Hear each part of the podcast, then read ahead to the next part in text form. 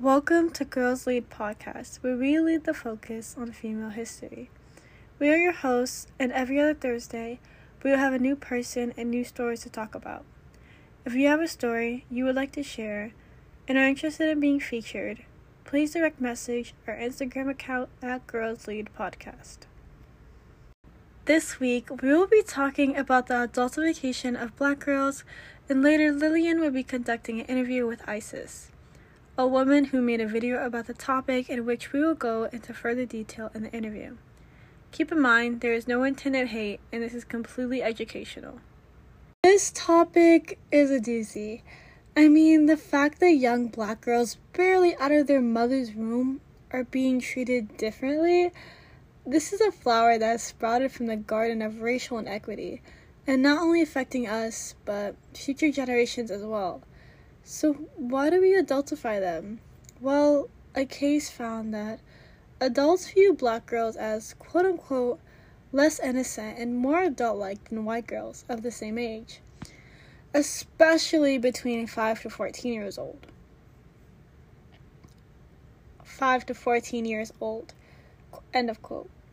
When compared with white girls, black girls were perceived perceived as needing less nurturing, protection, support, and comfort, being more independent, and knowing more about adult topics. This is a PG 13 podcast, so I won't go into that. But, anyways, um, since these young adults who view, who are, who views, but, anyways, since these young girls who are viewed as more independent and less innocent, it's no surprise that the general public would view them as adults or hold them to higher standards. I also want to shed light on this recent study. Listening to black women and girls' lived experiences of adultification bias. The study draws on interviews with black girls and women ages 12 to 60 plus in towns and cities of various sizes across the United States what not might come as a surprise to you, but black girls routinely experience adultification bias, and factors that contribute to this include racism, sexism, and poverty. They account for 28% of referrals to law enforcement and 37% of arrests, even though they make up less than 16% of the female school population.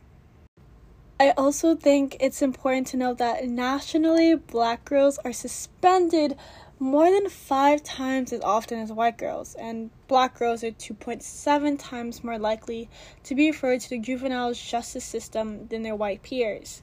The data didn't explain why the disparities exist or why the students were suspended. So, why is this exactly important?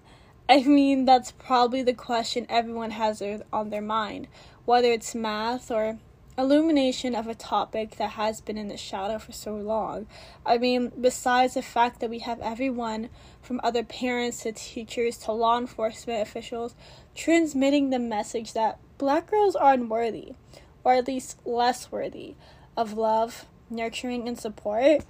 This affects how black girls are treated, accused, and punishly and punished legally. A study from Georgetown that talks about this issue states children occupy a unique position in our public systems. Once treated as miniature adults, our perception of young people's innocence and ongoing development has led over time to granting children leniency when determining the consequences of their behavior. These foundational legal and moral principles protect children from criminalization and extend safeguards that shield them from the harsh penalties levied, levied, levied on adults.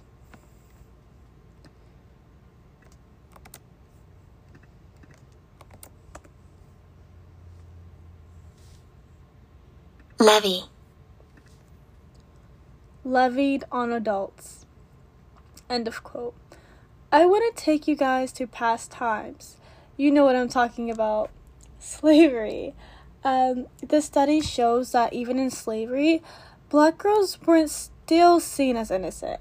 The study discusses the fact that child slaves, child slaves were put to work as young as two to three years old, they were subjected to much of the same dehumanization suffered by black adults.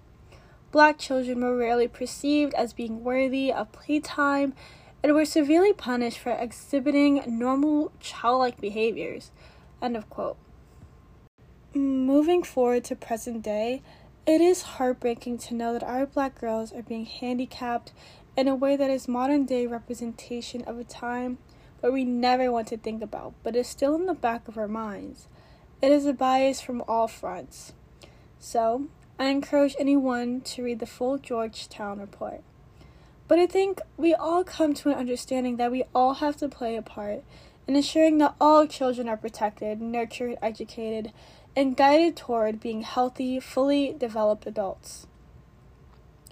Our country cannot achieve its fullest potential if we continue to allow racism to inform how we treat a significant portion of our children.